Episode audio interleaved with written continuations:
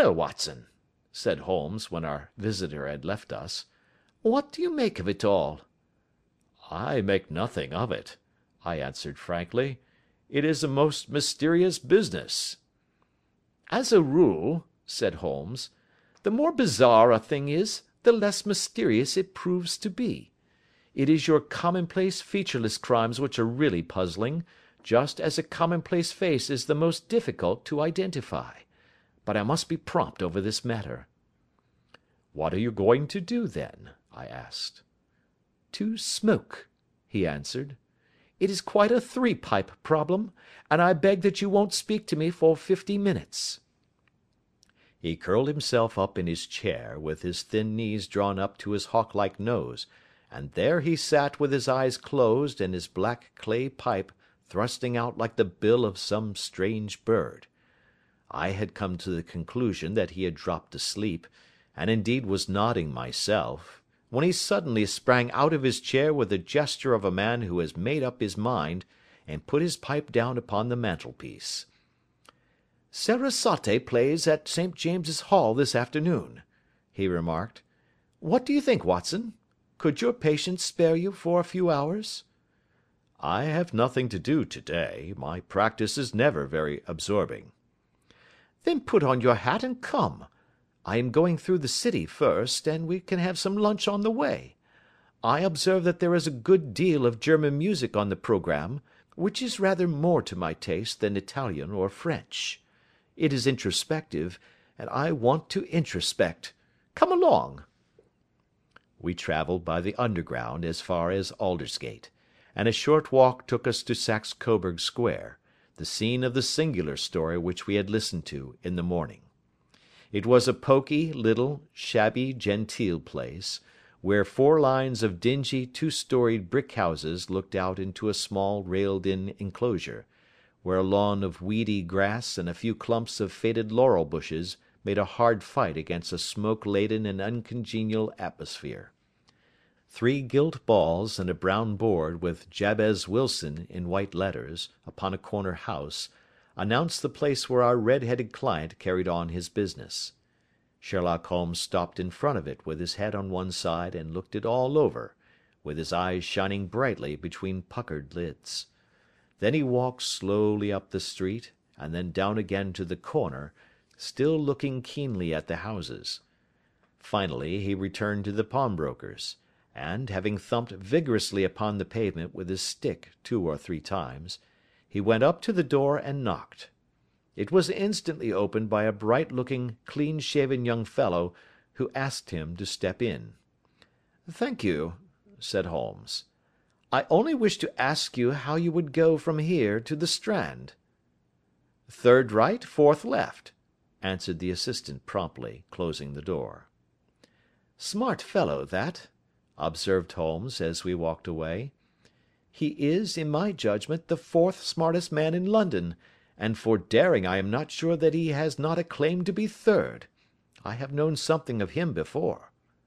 "Evidently," said I, "Mr. Wilson's assistant counts for a good deal in this mystery of the Red headed League. I am sure that you inquired your way merely in order that you might see him." "Not him." "What then?" The knees of his trousers." "And what did you see?" "What I expected to see." "Why did you beat the pavement?" "My dear doctor, this is a time for observation, not for talk. We are spies in an enemy's country. We know something of Saxe Coburg Square. Let us now explore the parts which lie behind it. The road in which we found ourselves as we turned round the corner from the retired Saxe Coburg Square presented as great a contrast to it as the front of a picture does to the back. It was one of the main arteries which conveyed the traffic of the city to the north and west. The roadway was blocked with the immense stream of commerce flowing in a double tide inward and outward, while the footpaths were black with the hurrying swarm of pedestrians.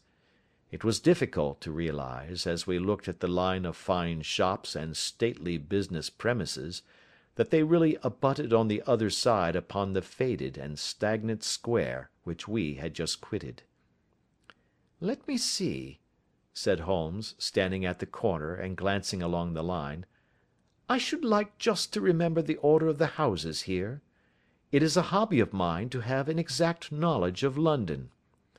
There is Mortimer's, the tobacconist, the Coburg branch of the City and Suburban Bank, the Vegetarian Restaurant, and McFarlane's Carriage Building Depôt. That carries us right on to the other block. And now, Doctor, we've done our work, so it's time we had some play. A sandwich and a cup of coffee, and then off to Violin Land, where all is sweetness and delicacy and harmony, and there are no red-headed clients to vex us with their conundrums." My friend was an enthusiastic musician, being himself not only a very capable performer, but a composer of no ordinary merit.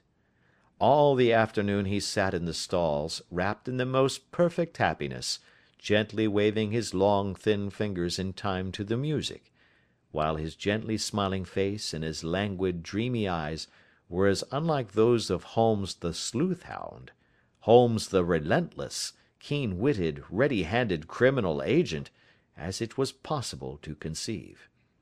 In his singular character, the dual nature alternately asserted itself, and his extreme exactness and astuteness represented, as I have often thought, the reaction against the poetic and contemplative mood which occasionally predominated in him. The swing of his nature took him from extreme languor to devouring energy, and as I knew well, he was never so truly formidable as when, for days on end, he had been lounging in his armchair amid his improvisations and his black letter editions. Then it was that the lust of the chase would suddenly come upon him, and that his brilliant reasoning power would rise to the level of intuition, until those who were unacquainted with his methods would look askance at him as on a man whose knowledge was not that of other mortals.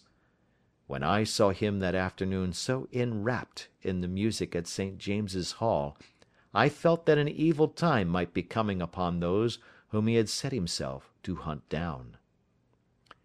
"You want to go home, no doubt, Doctor?" he remarked as we emerged. "Yes, it could be as well." "And I have some business to do which will take some hours. This business at Coburg Square is serious." "Why serious?" "A considerable crime is in contemplation. I have every reason to believe that we shall be in time to stop it. But to day being Saturday rather complicates matters. I shall want your help to night." "At what time?" "Ten will be early enough." "I shall be at Baker Street at ten." "Very well. And, I say, Doctor, there may be some little danger, so kindly put your army revolver in your pocket." He waved his hand, turned on his heel, and disappeared in an instant among the crowd. I trust that I am not more dense than my neighbours, but I was always oppressed with a sense of my own stupidity in my dealings with Sherlock Holmes. Here I had heard what he had heard, I had seen what he had seen, and yet from his words it was evident that he saw clearly not only what had happened but what was about to happen, while to me the whole business was still confused and grotesque. As I drove home to my house in Kensington, I thought over it all, with the extraordinary story of the red headed copier of the Encyclopaedia, down to the visit to Saxe Coburg Square, and the ominous words with which he had parted from me. What was this nocturnal expedition, and why should I go armed? Where were we going, and what were we to do? I had the hint from Holmes that this smooth faced pawnbroker's assistant was a formidable man a man who might play a deep game. I tried to puzzle it out, but only gave it up in despair and set the matter aside until night should bring an explanation. It was a quarter past nine when I started from home and made my way across the park, and so through Oxford Street to Baker Street. Two hansoms were standing at the door, and as I entered the passage I heard the sound of voices from above. On entering his room, I found Holmes in animated conversation with two men, one of whom I recognised as Peter Jones, the official police agent, while the other was a long, thin, sad faced man, with a very shiny hat and oppressively respectable frock coat. "Ha! Our party is complete," said Holmes, buttoning up his pea jacket, and taking his heavy hunting crop from the rack. "Watson, I think you know Mr. Jones of Scotland Yard? Let me introduce you to Mr. Merryweather, who is to be our companion in to night's adventure." "We're hunting in couples again, doctor, you see," said Jones in his consequential way. "Our friend here is a wonderful man for starting a chase. All he wants is an old dog to help him do the running down." "I hope a wild goose may not prove to be the end of our chase," observed Mr. Merryweather gloomily. "You may place considerable confidence in Mr. Holmes, sir," said the police agent loftily. "He has his own little methods, which are, if you won't mind my saying so, just a little too theoretical and fantastic but he has the makings of a detective in him. It is not too much to say that once or twice, as in that business of the Sholto murder and the Agra treasure, he has been more nearly correct than the official force." "Oh, if you say so, Mr. Jones, it is all right," said the stranger, with deference. "Still, I confess that I miss my rubber. It is the first Saturday night for seven and twenty years that I have not had my rubber. "I think you will find," said Sherlock Holmes, "that you will play for a higher stake to night than you have ever done yet, and that the play will be more exciting. For you, Mr. Merryweather, the stake will be some thirty thousand pounds, and for you, Jones, it will be the man upon whom you wish to lay your hands."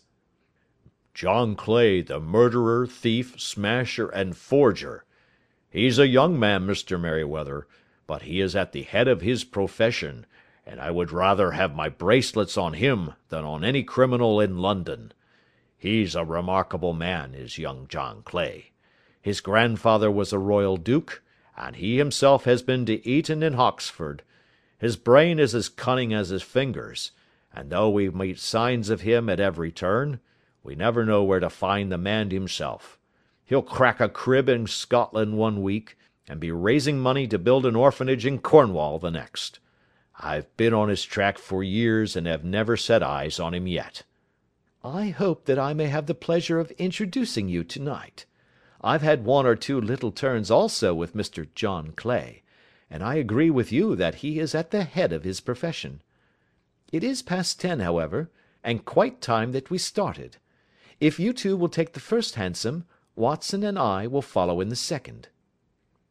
Sherlock Holmes was not very communicative during the long drive and lay back in the cab humming the tunes which he had heard in the afternoon.